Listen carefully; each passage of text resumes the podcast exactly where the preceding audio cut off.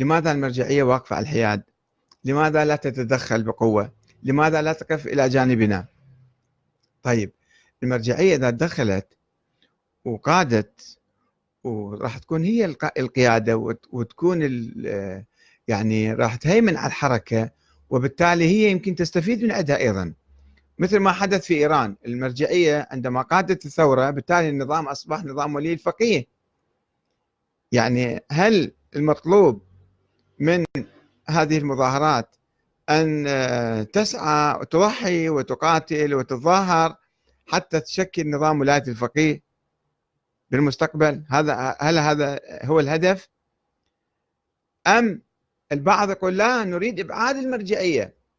المرجعية تغطي النظام حاليا وهي شريكة معه ونحن لا نريد أن نتدخل. طيب فلماذا يطالب البعض بالمرجعية أن تتدخل وبقوة وأن لا تقف على الحياد وأن هي تقود الجماهير هل ممكن ذلك؟ هل المرجعية مستعدة أن تقوم بهذا الدور؟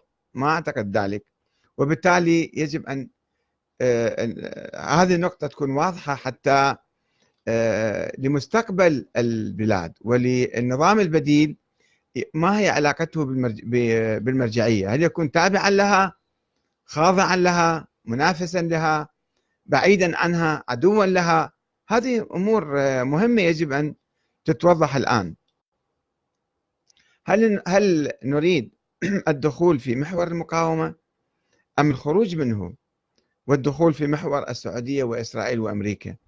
يعني البعض يعني آه، له مخططات يعني يحاول أن هو هو الآن النظام العراقي وسط لا مع محور المقاومة ولا بقوة مع محور أمريكا والسعودية. ويحاول في ناس يشدون منا وفي ناس يجرون منا. فالحركه الثورية يجب أن تعرف ماذا تريد. مثلا في إيران كانوا يهتفون ضد إسرائيل يهتفون ضد مثلا أمريكا. شعارهم معروف الموت لأمريكا. فما هو الشعار المطروح في آه، هذه المظاهرات حتى تصبح ثورة؟ الآن هي فورة. هي مظاهرات غاضبة لبعض المطالب المحدودة. فإذا تريد تكون ثورة في المستقبل هل تطرح شعار الموت لأمريكا مثلا الموت لإسرائيل؟ أم لا؟ الموت لإيران وإيران برا برا ومن الشعارات في ارتباك وفي عدم وضوح في هذه المسألة. وما لم تتوضح هذه المسائل وهذا الخط تبقى المظاهرات محدودة ما يمكن تتطور وتتوسع. ونفس الشيء نحن مع آه، مع أمريكا مثلا نريد أمريكا تتدخل أكثر أو نريد نطلع أمريكا من العراق أكثر نحقق استقلالنا. هل نريد أن نستقل؟ أم لا؟ نريد أن نخضع. البعض بصراحة يقول ويكتبون حتى في صفحتي بدون يعني خجل وبدون استحياء عنده موقف مؤمن فيه. وهو قد يكون جالس والآن هو مرتبط مع أمريكا ومع إسرائيل ومع السعودية. وينادي مثلا أن هؤلاء آه، اللي في النظام حاليا هؤلاء جاءوا على دبابة أمريكية وهم مرتبطون مع أمريكا. طيب أنت ما هو ما ما هو يعني موقفك البديل؟ هل تريد أن تستقل؟ وتريد العراق يكون مستقل أم أم تريد العراق يكون تابع أكثر لأمريكا؟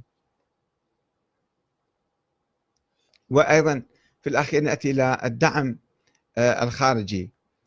الحركة إذا توسعت وامتدت هل تقبل بالدعم الخارجي من السعودية من الخليج أو لا؟ أو من إيران؟ هل يمكن أن ثورة شعبية سلمية تنجح وتكون مستقلة أو يجب أن تكون مدعومة من الخارج إعلاميا وسياسيا وماليا وعسكريا حتى أم لا يجب أن تحافظ على استقلالها؟ هذا شيء مهم جدا. حتى نصل إلى آه، تحقيق أهدافنا وتكون الحركة آه، جماهيرية أكثر. ما تكون حركة محدودة جزئيا في بعض المحافظات وبعض الناس بعض الأحزاب أو بعض القوى تشارك بالانتخابات. لا تكون حركة فعلا تصل تحقق أهدافها. فيجب تحقيق الأهداف في البداية تحديد الأهداف في البداية حتى نحققها. وحتى آه، نوسع دائرة الجماهير حولنا. مع الأسف بعض الناس اللي يشاركون في المظاهرات ولو في صفحات الفيسبوك يعني يتحدثون بانفعال ويفكرون بانفعال. وما يفكرون يعني آه، الأحداث اللي راح آه، تعقب أي خطوة. مثلا افترضوا إسقاط النظام. البعض يطرح إسقاط النظام. طيب إسقاط النظام يعني أسقطت الحكومة أنت وحليت مجلس النواب. ماذا يعني إسقاط النظام؟ الآن في حكومة وفي برلمان. أنت تقول إن البرلمان ما نريده هذا برلمان مزور؟ طيب. والحكومة الحكومة ما نريده شو تريد؟ شنو الخطوة العملية؟ خطوة شكل حكومة إنقاذ. طبعا هاي السفارة الأمريكية طرحتها. شكل حكومة إنقاذ. والدستور ماذا تفعل به؟ هناك دستور يحكم البلد. الدستور متفق عليه بين كل المكونات مكونات الشعب العراقي العرب والأكراد والسنة والشيعة كلهم متفقين عليه وإذا أنت ألغيت الدستور سويت انقلاب وقلت الدستور ما أريده. طيب إيش راح يصير؟ أول شيء الأكراد يقول لك إحنا خلص إحنا ملتزمين بالوحدة الوطنية في العراق. في ظل الدستور اللي إحنا موقعين عليه جميعا. إذا أنتم ألغيتوا الدستور إحنا راح نصبح أحرار ونستقل وإن حق بالاستقلال ماذا تفعل في هذه الحالة؟ أنت قاعد تتظاهر وتقول أريد إسقاط النظام. ماذا يعني إسقاط النظام؟ هل فكرت ماذا يعني إسقاط النظام على الأرض ولا فقط بالشعارات؟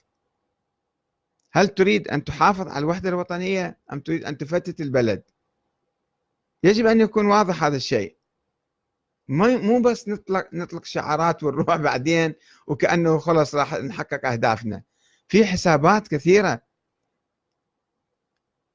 فما يمكن في تقول إنه طيب طيب في ظل النظام أيضا لا يمكن الإصلاح، البعض يقول إذا إحنا صرنا سلميين